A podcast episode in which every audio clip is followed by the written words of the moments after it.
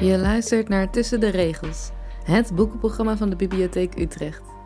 In Tussen de Regels gaat interviewer Oscar Kokke steeds in gesprek met schrijvers, live vanuit onze theaterzaal. Dit keer zonder publiek, alleen in audio, door jullie te beluisteren. Ja, ik wist al heel snel van, ik ben zelf geen Nederlander, ik ben ook geen Indonesiër. Die geschiedenis wordt vandaag met name herdacht als nationale geschiedenis in Nederland en in Indonesië. En uiteraard, Nederland verliest zijn grootste koloniale bezit. Uh, Indonesië dankt er zijn onafhankelijkheid aan. Het is normaal dat uiteraard in die twee landen die herinnering in stand wordt gehouden. Uh, maar er is ook een internationale dimensie aan, die ook in die beide landen vergeten wordt. Oscar ging op 20 februari 2021 in gesprek met David van Rijbroek over zijn nieuwe boek Revolutie. Van Rijbroek schreef daarnaast onder andere de bestseller Congo, een geschiedenis, en is ook dichter en archeoloog. Hoog tijd om in zijn brein te gaan graven naar nog meer schoons. Dit is Tussen de Regels met David van Rijbroek. Fijn dat je bent in, uh, in Utrecht, in de theaterzaal van de Bibliotheek op de Neude. Helemaal leeg. Ja, zo is het. Geen publiek. Begint het een beetje te wennen? Het begint een beetje te wennen. Maar eigenlijk vind ik het ook wel langer om meer dat het begint te vervelen, eerlijk gezegd. Het, uh, het, duurt lang. Hoe, hoe is het met je? Ik vraag die vraag eigenlijk bij interviews nooit, maar gedurende deze coronacrisis heb ik die neiging toch om Ja. dat te doen. Dus bij deze, hoe is het met je? Nou, goed, goed, goed. Ik bedoel, ik heb eh, dankzij de eerste lockdown ontzettend hard kunnen werken aan het afronden van dit boek. En, eh, en nu, het was eigenlijk, ik, ik woon in Brussel en ik schrijf niet thuis. Ik schrijf in een, in een atelier wat aan de andere kant van de stad ligt. Daar fiets ik naartoe. En daar heb ik geen internet.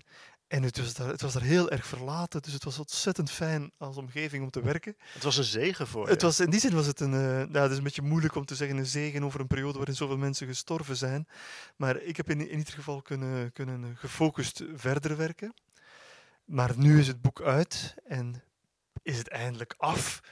En eh, ben ik eindelijk bevrijd van de deadline-druk. Maar er is nog niet veel bevrijding gevierd, moet ik eerlijk zeggen. We zitten ongeveer toen het boek uitkwam, begon de tweede lockdown-fase. Dus Ja. wat dat betreft blijf ik wel een beetje in die tunnel zitten. Laten we het eh, dan toch nu gaan vieren Ja, heel graag. in dit gesprek. Heel graag. Ehm, ja, het moment van het boek is uit, je kunt erover vertellen. Is het zo dat je in de periode, je hebt vijf jaar aan dat boek gewerkt, Ja, dat je zelfs, ja. het eigenlijk voor jezelf houdt of ben je dan ook heel spraakzaam? Sommige schrijvers zeggen dat dat heel precair is om over een boek in wording te spreken. Ja, je hoort vaak auteurs zeggen dat het zelfs een slecht geluk brengt als je er- daarover praat enzovoort. Ik ben niet bijgelovig wat dat betreft. Het, het boek was nog in volle ontstaan, dus dan is het moeilijker om over te praten. Ik geef dan in elk geval geen, geen interviews bijvoorbeeld. Dat vind ik echt voorbarig. Maar ik werd wel, in, in die periode werd ik gevolgd door twee Nederlandse regisseurs die een documentaire reeks hebben gemaakt. Die is ondertussen op de Nederlandse en ook inmiddels op de Vlaamse televisie gepasseerd. En eh, dus daar heb ik wel gesproken. En dat is heel raar, want dan moet ik praten over iets wat ik aan het doen ben, maar waarvan ik nog ook niet alles weet. En bij, de, bij dit boek was het, was het extra vreemd, omdat ik eh, interviews moest gaan afnemen van oude getuigen, vooraleer ik mij helemaal had kunnen inwerken in de materie. Normaal zou je twee, drie jaar studeren en dan veldwerk gaan doen, mensen gaan praten. Eh, maar mijn getuigen waren zo oud dat eh, wanneer ik zou gewacht hebben tot ik voldoende voorkennis had, ik wellicht heel veel wist wat in de boeken stond en ik overal te laat was om nog de mondelinge getuigenissen op te tekenen. Je wist tijdens het schrijven eigenlijk nog niet waar het boek precies over zou gaan. Nee. En ehm, ik heb ook voor het eerst echt gereisd met een, eh, met een soort eh, een handbibliotheekje. Ik had altijd een, een tas mee met zo vijf, zes standaardwerken. Dat is best een stuk bagage die ik dan met mij meesleep. Ik ben nogal van het eh, traveling light principe, maar ik had zowel in Indonesië als in, in Japan, waar ik onderzoek heb gedaan, had ik toch altijd een paar boeken bij mij om voorafgaand of na afloop van een interview een aantal dingen te kunnen checken. In sommige interviews haalde ik zelfs de boeken boven. Klopt dit wel? Ja, ja, echt. Het was geweldig en het was heel interessant. In, in, in Tokio interviewde ik een man die vertelde waar en wat hij gedaan had. En ik, kon het, eh, ik had een heel goed verslag van de Japanse invasie van Java in 1942 bij me. Dus toen kon ik even bladeren naar de plek waar hij aan land was gegaan op de dag af. En ik zei, heeft u dan een kapitein, weet ik veel. Uh, ja, ja, dat was, meteen kwamen de verhalen. Dus het, bij hele oude mensen zijn verhalen vaak niet vergeten, maar je moet ze afstoffen. En dat was, zo, dat was wel grappig om die handbibliotheek ook te kunnen gebruiken. Meestal doe ik dat aan de hand van kaarten. Uh, heel vaak haal ik een kaart boven en vraag ik mensen, zeker bij militairen, die zelf op kaarten hebben moeten kijken, dat helpt vaak om de verhalen op gang te brengen. Maar dus ja, ik heb gereisd met een, met een halve handbibliotheek aan standaardwerken en enkele, enkele kaarten van het gebied waarover ik onderzoek deed. Ja. ja. je wist tijdens het schrijven nog niet precies waar dit boek uiteindelijk over zou gaan. Hoe formuleerde jij tijdens het schrijven aan het begin van die periode wat je zoektocht was? Waar was je op uit? Dat wist ik wel. Ik wou een boek schrijven over de dekolonisatie van Indonesië.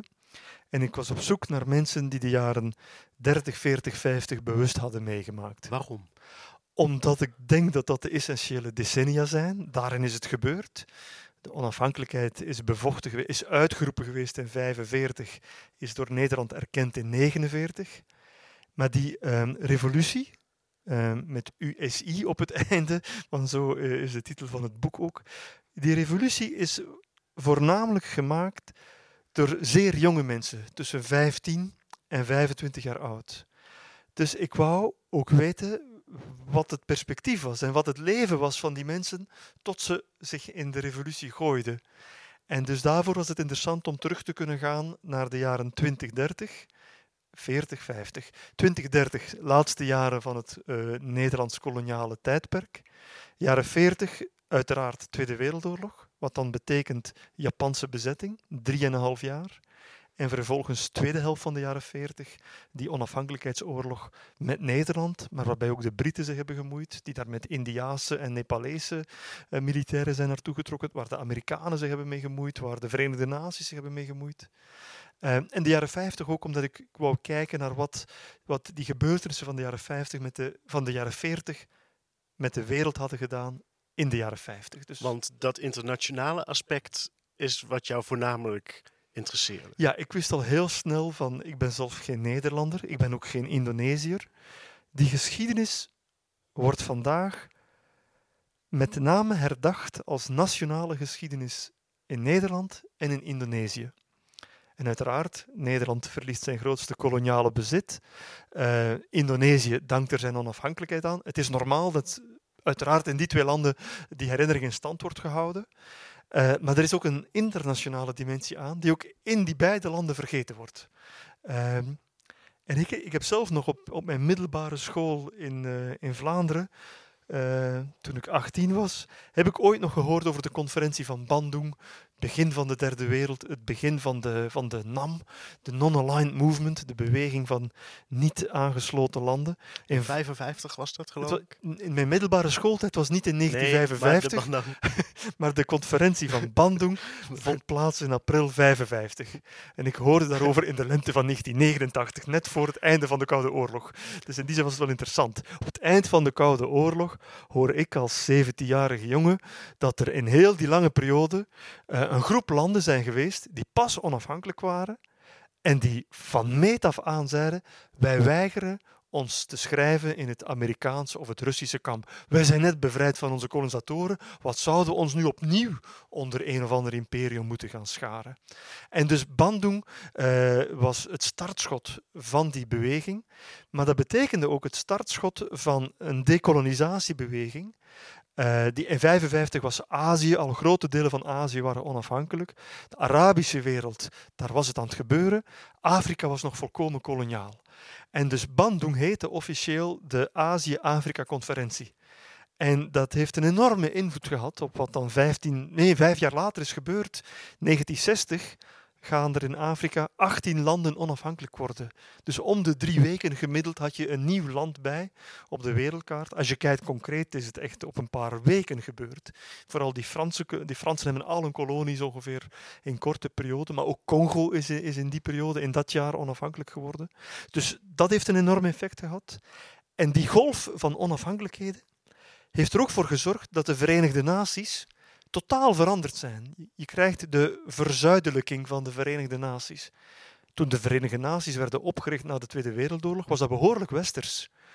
En, ehm, en door Bandung en door die decolonisatiegolf wordt dat een organisatie die zegt van wij willen werkelijk de United Nations zijn voor de hele wereld. Dus dat is een hele interessante. En dat heeft allemaal te maken met die processen. En wij hier in Nederland maar denken dat het een nationale aangelegenheid is tussen twee landen. Ik heb, ik heb meermaals de vraag gekregen: Hé, ga jij nou als Belg zo'n boek schrijven? Dit is toch onze geschiedenis? En ik ja, je hebt van, zelfs te horen gekregen: ga eerst maar eens een boek over Congo schrijven. ja, dat kwam uh, van de, de, de Facebookpagina van de PVV. Uh, zei van uh, wat wat komt die Belg zich moeien dat hij maar eerst eens een boek over uh, Congo schrijft. Maar ja, dat had ik al gedaan. Dat ga ik geen tweede keer doen. Nee. dat had ik al gedaan op dat moment. Maar ik heb ook van, van uh, in Nederland een paar keer gehoord van hé, maar dit is toch onze geschiedenis? Waarop ik moest zeggen, ja, maar het is echt niet meer van jullie. Uh, de, het land is niet meer van, van Nederland. En die geschiedenis is ook niet een puur Nederlandse. Het is zelfs geen puur Indonesische geschiedenis. Het, het is, is bovendien een geschiedenis waar Nederland op zijn minst een wat ja, beperkt beeld van heeft. Wat ook zijn weerslag heeft op hoe wij nu terugkijken op onze koloniale geschiedenis. Mhm. Ehm, je opent je boek met de constatering dat in Nederland nog ruim 50% wel trots voelt over die periode. En slechts 6% zich enigszins lijkt te generen van wat er daar gebeurd is. Dat waren cijfers die ik vond uh, ongeveer een ruim jaar geleden. December 2019 verschenen die cijfers in een rapport van het Britse onderzoeksbureau YouGov.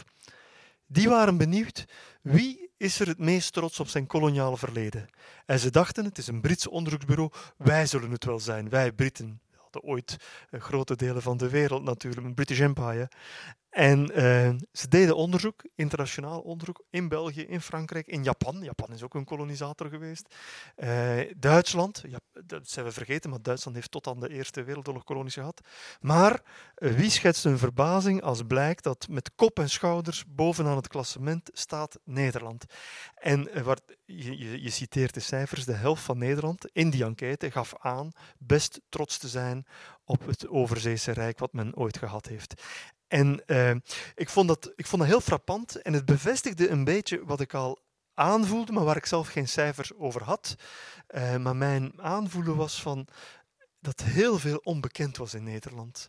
Toen ik over Congo schreef, was er ook in België relatief veel onbekend, maar toch niet zoveel. De, de postkoloniale ongeletterdheid was hier, leek mij, opvallend hoog en die cijfers bevestigden dat. Nou, daarbij kan ik voor mezelf spreken. Ja? Want als ik mijn middelbare schoollessen daarover leer, uh, probeer te herinneren, zeer beperkt. En Lag dat aan jou van de school? Nou ja, dat ga ik me dus ogenblikkelijk afvragen. Um, en ook of wat daarvan is blijven hangen, wat er destijds binnenkwam, of dat nou te maken had met ja, de beperktheid van mijn eigen geest op mijn, wat is het, 15, 16e of dat het toch die geschiedenisboeken waren en of de perceptie van de docent die dat heeft moeten overbrengen. En ik kom daar niet zo goed uit. Ik kan het natuurlijk niet allemaal weer voor de geest halen, maar het hele beeld destijds, wat, wat ik me herinner van wat ik in die jaren heb geleerd, ja, er was een onafhankelijkheidsoorlog en het was ook wel een beetje ondankbaar dat ze zo ingewikkeld deden eh, want de kolonisator was toch goed voor ze. En daarbij laten we toch alsjeblieft trots zijn op hoe goed we die specerijen er hebben weggehaald. dat was toch, toch een beetje het, het, het, beeld. En nogmaals, uh, ik weet niet of dat in die, echt letterlijk in die boeken stond. Ik weet niet of dat letterlijk is wat de docenten me hebben gezegd. Of dat dat mijn eigen tekortschieten was. Maar er, is, er is vorig jaar een proefschrift verschenen, ongeveer in dezelfde periode als dat Brits onderzoek, waarbij een Nederlandse onderzoekster ging uh, uitvlooien hoe Britse en Nederlandse handboeken geschiedenis voor het secundair onderwijs, middelbaar onderwijs, uh, hoe die uh, de nationale geschiedenis verbeelden. En daaruit bleek, en ik vond dat toch kras, dat zelfs de meest recente uitgaves of heruitgaves die Nederlandse geschiedenis bleven ophangen aan het begrippenpaar uh, democratie en tolerantie. Dus de primaire framing die wordt gezet, het eerste wat je hoort, is dat Nederland al 300 jaar lang een land is waar democratie en tolerantie hoog in het vaandel worden. Ik moest tijdens mijn laatste jaar van de middelbare school moest ik een eindwerkstuk schrijven en ik meen, als ik het correct citeer, dat mijn onderzoeksvraag was in hoeverre want je moest in hoeverre gebruiken bij dit soort vragen. In hoeverre is de Nederlandse tolerantie Ja. te danken aan de 17e eeuw? Oh ja, ja, ja Een ja. merkwaardige middelbare schoolvraag. Maar wel, daarin was gewoon totaal geankerd. Tolerant zijn we en die Gouden Eeuw, eh, ja, daar hebben we iets goeds gedaan. In de inleiding van mijn boek citeer ik een, een ander onderzoek bij eerstejaarsstudenten van de lerarenopleiding geschiedenis. Zeg maar de meest gemotiveerde, historisch gemotiveerde 18-jarigen. En ze vroegen hen gewoon op te schrijven wat ze wisten over de geschiedenis van Nederland. Nou, de 17e eeuw, Gouden Eeuw, eh, de, de roemrijke maritieme avonturen. De grondwet van Tor- 18e eeuw speelt niet mee. Grondwet van Thorbecke 1848, parlementaire democratie. Ehm, het, en dan eh, het, het verzet tijdens de Tweede Wereldoorlog. Waar Hoe, we groots in waren. hoe miniem het ook was, de, de, de- de participatie in het verzet in Frankrijk en in België was groter dan in Nederland. Maar het rare is, ik heb natuurlijk ik heb middelbare school in België genoten. Ehm, wij kregen ook les over nationale geschiedenis, maar dat werd nooit opgehangen aan morele categorieën. Ik, ik wil best geloven dat er elementen van tolerantie en democratie aanwezig waren. De republiek was vrij uitzonderlijk in Europa in de 17e eeuw, uiteraard. Maar de, kijk, de Belgische grondwet van 1830, 1831 is de meest vernieuwende geweest van de 19e eeuw. Thorbecke heeft die eigenlijk grotendeels gekopieerd, net zoals ongeveer twintig andere landen. Ik weet dat nog maar twee jaar. En ik ben toch al een tijdje van de middelbare school af. Omdat die nationale trots werd er bij ons. Nou ja, ik denk sowieso dat nationale trots een veel problematischer concept is in een complex verdeeld land als België eh, dan in Nederland. Dat heeft dus nadelen. Het voordeel is wel dat het ons misschien minder moeite kost om de donkere bladzijden uit onze geschiedenis onder ogen te komen. En het- dat beeld zegt van, wij waren toch goed. Wij zijn toch goed. Waarom doen ze nu zo moeilijk? Wij zijn Ja. de- Maar ja, goede intenties kunnen, eh, onder het mom van goede intenties kan er veel misgaan. Economisch winstbejag op het moment zelf. Of zelfs als het nobel is, als het nobel bedoeld is, kan het nog altijd paternalistisch of vernederend of destructief overkomen. Toch heel eventjes voor een positieve noot. Is er iets om trots op te zijn? Ja, deze stilte maakt de positieve noot Ehm. meteen wat minder. Ik vind dat ongelooflijk moeilijk om te zeggen. Ehm, uiteraard het uitbouwen van een internationaal handelsimperium als klein land eh, is, is, is, is een indrukwekkende prestatie. Tot je gaat kijken hoe, waarop dat handelsimperium draaide. Eh, slavernij, macht, eh, uitbuiting, noem maar op. Eh, mo- momenten van... Nou ja, nu ben ik weer het negatieve aan het benoemen. Nou, als ik iets moet zeggen wat wel opvalt, is dat de, elk koloniaal project heeft ook momenten gehad van eh, humane, nobele reflexen. Eh, of een aantal geesten die zeiden van we moeten niet alleen eh, winst maken, er moet ook winst zijn voor de lokale bevolking. Dat is in Nederlands-Indië sneller gebeurd dan in Belgisch-Congo. Al vanaf het midden van de 19e eeuw worden er delen van het Javaanse platteland gevaccineerd, bijvoorbeeld.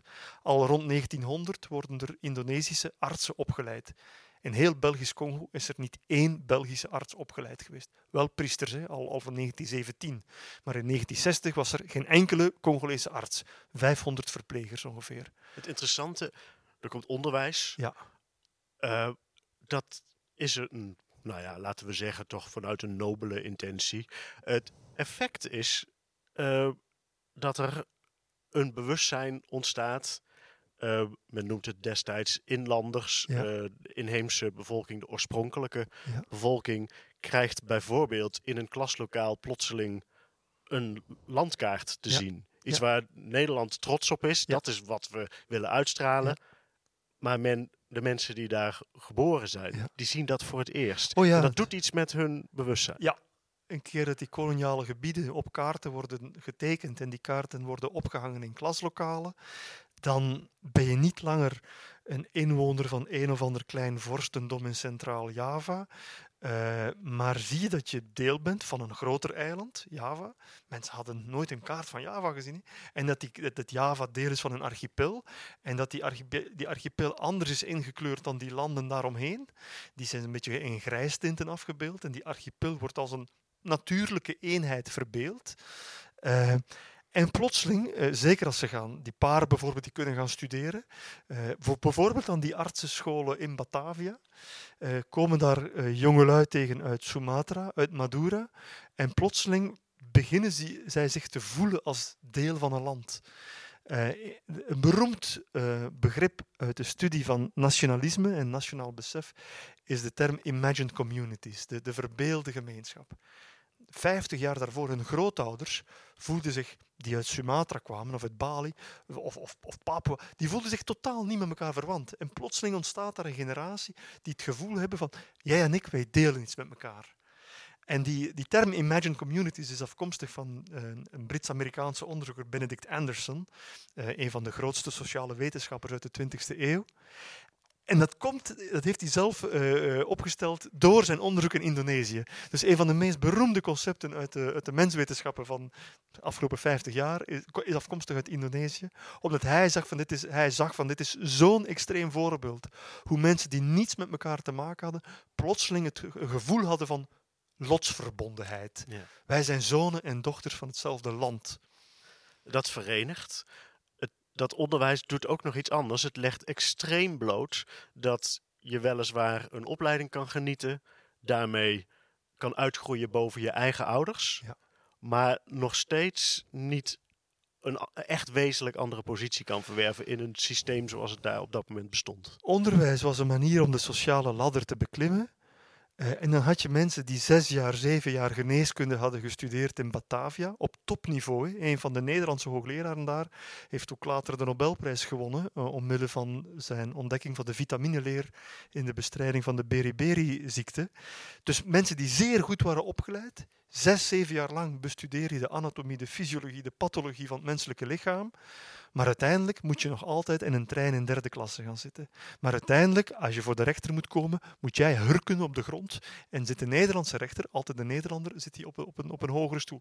Dit soort vormen van microvernedering uh, werden des te pijnlijker naarmate je hoger was opgeleid. Het, het, glazen plafond doet het meest pijn voor, aan diegenen die er tegenaan knallen. Hè. De mensen onderaan die maatschappelijke ladder, die denken van ja, dit is ons leven, zo hebben onze ouders geleefd, onze grootouders en zo gaan onze kleinkinderen leven. Daar zit wel ontevredenheid, maar men draagt zijn lot. Uh, terwijl men over de rijstakker met een buffel loopt uh, tot aan de enkels in de modder. dat, is het, dat is het leven van de Javaanse reisboer, zullen we maar zeggen. Maar een keer dat er in zo'n dorp van de Javaanse reisboer zo'n pas afgestudeerde arts langskomt die hem komt vertellen van wat er hier allemaal mis is, dan krijg je een samengaan van de Indonesische elite met de Indonesische, Indonesische massa. En het is dat samengaan dat ervoor heeft gezorgd dat er energie, woede, uh, politieke idealen zijn gaan beginnen kolken die op geen enkele manier nog in te tomen vielen. Je schrijft een vulkaan barst, ontbarst nooit zomaar. Nee, hij ligt heel vaak al lang op voorhand te borrelen en te sudderen. En de koloniale overheden, en dat is volgens mij de grootste fout geweest, die hebben in de jaren 10, jaren 20, jaren 30 altijd gedacht, het land is tevreden, de onderdaan is gelukkig. De Javaanse reisboer draagt zijn lot en uh, ziet wel wanneer de zon opgaat en de zon ondergaat. Maar helaas, er zijn een aantal uh, heethoofden uh, die wij misschien op gekke ideeën hebben gebracht dankzij ons onderwijs. En dat zijn rotte appels die de sfeer bederven. Dus we moeten de rotte appels uit de mand halen. En dat heeft Nederland zeer letterlijk gedaan. En ook dat is te weinig geweten. Ik weet niet, in jouw middelbare school, heb jij ooit iets gehoord over Bovendigoel? Het ballingsoord. Dat is toch ongelooflijk, hè? Nederland heeft zijn eigen Gulag-archipel gehad, waarbij uh, ongewenste sujetten werden verwijderd uit Java, uit Sumatra, uit Madura. En die werden naar uh, Nieuw-Guinea gebracht, het meest afgelegen, het meest onherbergzame eiland. Uh, en daar 400 kilometer in het binnenland, aan de bovenstroom van de Digul-rivier, werd daar in het oerwoud een plek vrijgemaakt waar ze mochten proberen te overleven. En meer dan duizend mensen hebben daar gezeten en sommigen hebben daar meer dan 15 jaar gezeten. Tot, tot aan de, Japanse invasie. Ze hadden er nog langer kunnen, nog kunnen zitten. Een soort Nelson Mandela-achtige toestanden, zeg maar. En het is niet algemeen bekend. Dit moet in de kanon van Nederland komen. Boven Digul is een van de meest... Ik begin helemaal op te winden. Maar het is echt... Uh, ik vind het echt ongelooflijk. En dus dat was de misvatting van als we maar die... Uh, die raddraaiers, die oproerkraaiers, men had er allerlei termen voor. Als we die maar verwijderen, dan kunnen we, zoals gouverneur-generaal De Jonge, de meest rabiate die, die de kolonie ooit heeft gehad, die zei, luister eens, we zijn er al 300 jaar, wij blijven nog 300 jaar, daarna kunnen we praten. Dus hij was niet geneigd om veel toegifte te doen. We spreken hier over begin de jaren 30, hè? tien jaar later was het afgelopen. Ja. De mensen die jij hebt gesproken, zijn de mensen die toen leefden, bij wie het borrelde, bij wie het uiteindelijk tot een uitbarsting is gekomen. Uh, je hebt de mensen gesproken die werden gezien als de rotte appel. Je hebt de mensen gesproken die de wapens hebben opgepakt. Uh, je hebt de mensen gesproken die stiller verzet hebben gepleegd. Je hebt ook de agressor, de kolonisator, de soldaat gesproken. Allemaal persoonlijke verhalen. 200 Bijna, bijna 200 interviews. Dat was een hele boekhouding. Dat geloof ik. En uh, om te weten wie wat verteld had. Um, en, en, ook om, om, om die stemmen te organiseren. Um, het, het, is een soort, het is bijna een soort, uh, een soort koor van stemmen. Maar waar je op in het boek kan je niet alle stemmen op hetzelfde moment evenveel volume geven. Je moet, ik moest heel erg zoeken van wanneer laat ik wie aan het woord. Ja. En hoe vind je die mensen? Hoe vind je een relevante stem? Ja. Vooral als mensen ondertussen zelf zeggen, nou, ik weet niet of ik wel zoveel interessants heb bij te dragen. Dat zijn altijd de beste.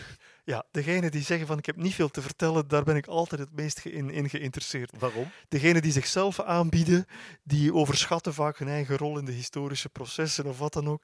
Maar mensen die zeggen, oh, ik heb niet veel meegemaakt. Die, eh, van zodra je dat wat doorvraagt, dan zie je dat ook hun leven, hoe intimistisch dat ook verlopen is. zeg maar iets... Uh, zoon van een kokoskweker eh, op een eiland in Sulawesi of wat dan ook, dat zelfs zijn of haar geschiedenis toch doordrenkt is door de wereldgeschiedenis. En dat vind ik interessant om te tonen, want ik wil precies tonen hoe de grote wereldgeschiedenis niet enkel het werk is van politici en generaals en diplomaten, maar hoe dat doordringt tot in de vezels van het individuele leven. En dan is het, dan vind ik het echt. Uh, dan vind ik het heel mooi om te kunnen aantonen hoe zo, zo, iemand op een afgelegen eiland. Ik moet nu ineens denken aan Badora. Badora was een vrouw die, die, had heel haar leven gehurkt gezeten. Die kon niet meer rechtstaan. Die was rond het 90. Ze kende haar geboortejaar niet. Ze wist wel dat toen Japan binnenviel in 42 had ze al één kind. En dat wist ze nog. En uh, toen ben ik haar uitvoerig geïnterviewd.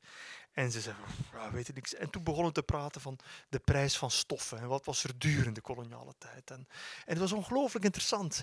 Eh, de hele, uh, bijvoorbeeld de, hele beurscrash in Wall Street 1929 kon het illustreren aan de hand van die vrouw op dat afgelegen. Ja, dat vind ik, dat vind ik ongelooflijk mooi. En zij kon zeggen, ja, toen, uh, toen werd de rijst zo duur, meer maïs gaan eten enzovoort. Nou, het, was, het was ongelooflijk mooi om, om, om dat op die manier te illustreren. Was het makkelijk hun vertrouwen te winnen? Ja. Niemand heeft geweigerd om een getuigenis af te leggen. Maar ik denk, um, in zo'n interview zijn er altijd aspecten die mensen makkelijker vertellen. Mensen praten over het algemeen makkelijker over slachtofferschap dan over daderschap. En uh, je sprak daarnet over de agressor. De, ook aan Indonesische zijde is er zeer veel agressie geweest ten opzichte van Indische Nederlanders in de fameuze Bersia-periode bijvoorbeeld, waar toch ongelooflijke gruwelijkheden zijn begaan in het najaar 45. Waarbij de Indische Nederlanders een extra probleem hadden. Voorheen waren ze misschien niet Nederlands genoeg, ja. nu waren ze in één keer niet Indonesisch genoeg. Precies. En dat wisselde continu dat was, nou ja, Japan uh, had de oorlog verloren. Nederlanders zaten nog in de Japanse interneringskampen. Uh, Indische Nederlanders die waren niet geïnterneerd geweest. 100.000 zaten. Uh, 100.000 Europese Nederlanders zaten in de, in de, in de kampen. 200.000 Indonesische, Indische Nederlanders zaten buiten de kampen. En die werden aangevallen door opgehitste revolutionaire jongeren die 15, 25-jarigen waar ik het net over had.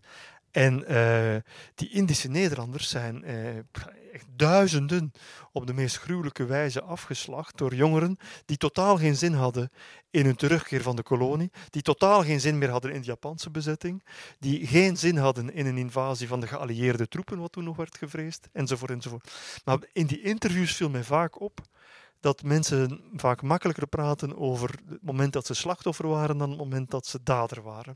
En daarom heb ik des te meer bewondering voor diegenen, aan, aan welke zijde ook, Japanse zijde, Indonesische zijde, uh, Nederlandse zijde, of zelfs uh, Molukkers die aan de Nederlandse zijde hebben meegedaan, die uh, konden vertellen over wat ze gedaan hadden. En dat zijn vaak heftige getuigenissen. Ik moest als interviewer, ik, ben, ik, ik, neem dan de houding aan om niet te oordelen. Ik vind vaak, mensen lopen vaak al 60, 70 jaar met bepaalde herinneringen rond, die vaak voor hen ongemakkelijk zijn.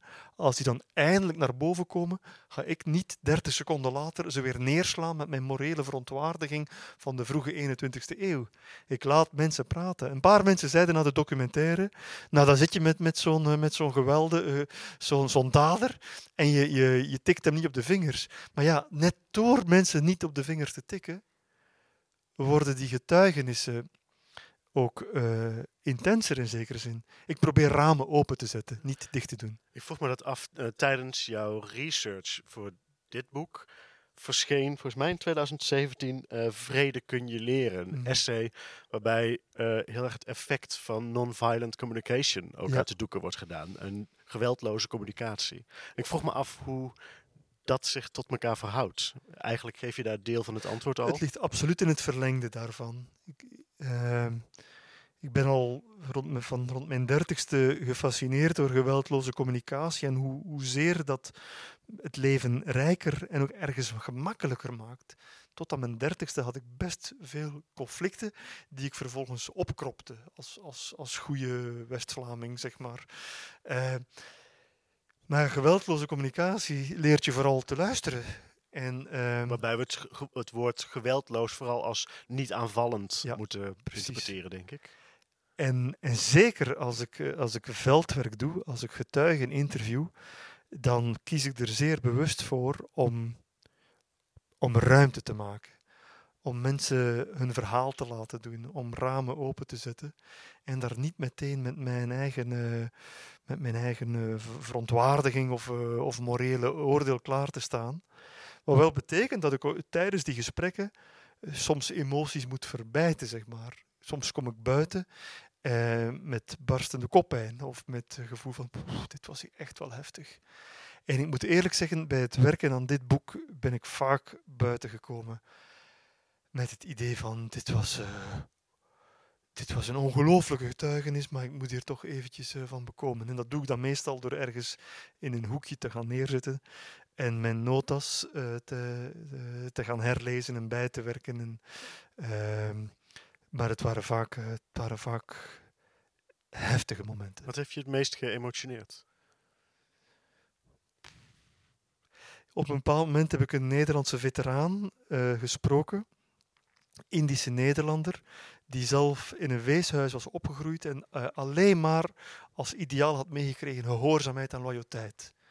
En die man heeft vervolgens in, het, uh, in, de, in de decolonisatieoorlog Ehm, onder andere eh, ingestaan voor het uitvoeren van executies. En hij vertelde daarover. Bol Kerbijn was dit, denk ik. In Arnhem trof je hem. Ja, en ik vond het ongelooflijk. En heeft ook in andere interviews die getuigenis gedaan.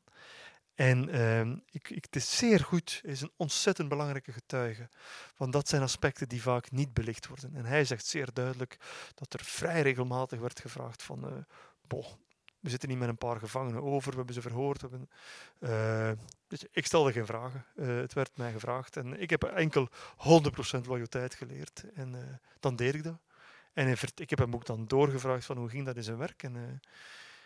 Maar dat, ja, tegelijkertijd van wat, voor wapen gebruik je bij zo'n executie en uh, hoe gaat dat in zijn werk? Uh, praat je nog met zo iemand? En, uh, ja, ja, ik vroeg hem om zijn jasje uit te doen, want het ging toch kapot zijn. En de spion die hem had aangegeven moest toch ook iets krijgen, dan kon hij misschien toch zijn jasje.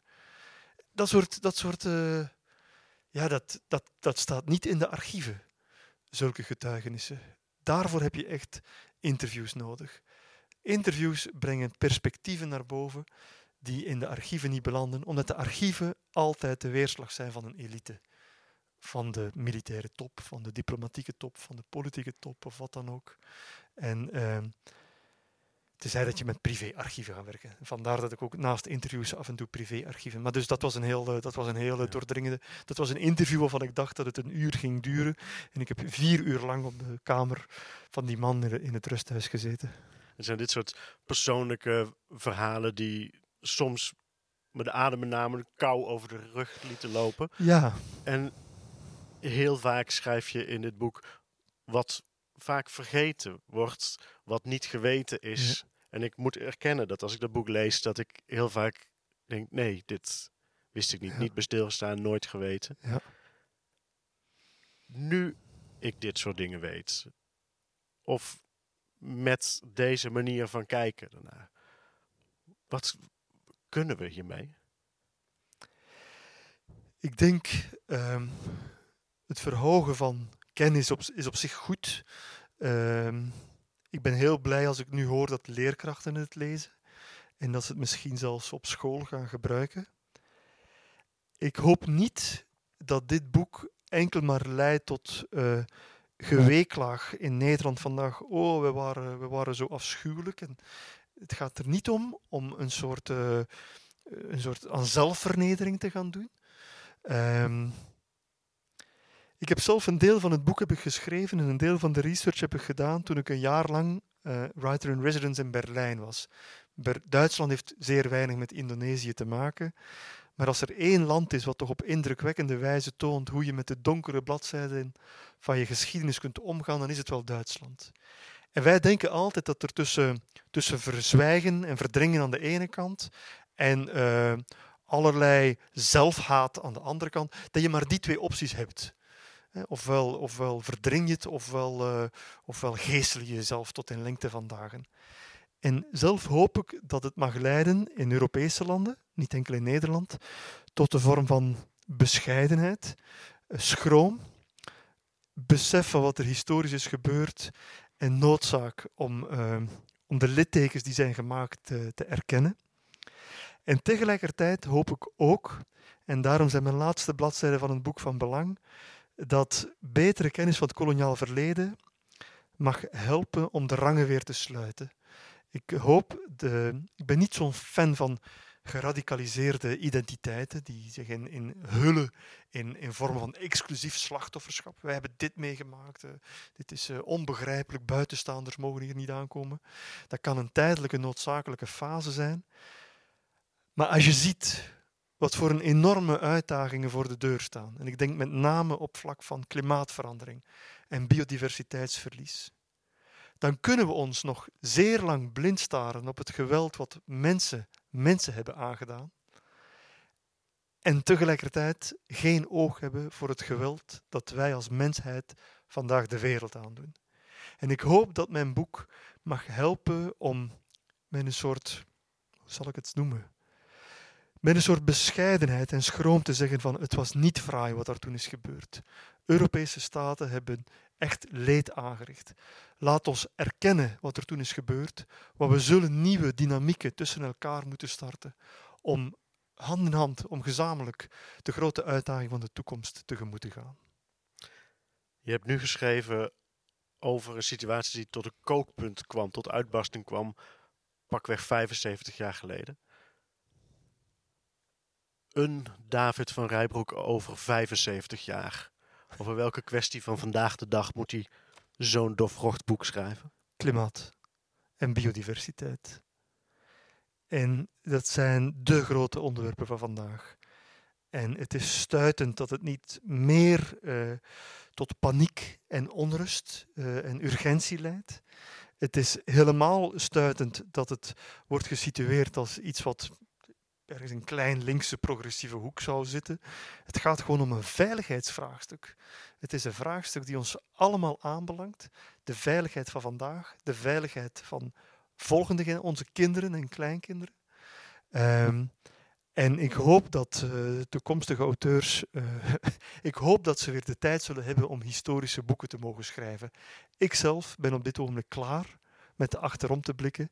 En ik heb ervoor gekozen, na afronding van dit boek, waar ik met zeer veel plezier en zeer veel energie aan gewerkt heb, ik wil nu de blik voorwaarts richten en proberen mee te helpen om ehm, te kijken wat er nog te redden valt. Ik wil je hartelijk danken. Uh, danken voor het schrijven van een fantastisch boek, Revolutie. En uh, heel erg bedanken dat je daarover en over de toekomst met mij in gesprek wilde gaan. Dankjewel, David van. Leuk dat je luisterde naar Tussen de Regels. Abonneer je op Biep en blijf op de hoogte van alle nieuwe literaire programma's en verhalen. En luister de andere Tussen de Regels terug, met onder andere Romana Vrede, Kader Abdolla en Laura van der Haar. We zien je graag gauw in het echt, in een van onze zalen of met je neus tussen onze boeken.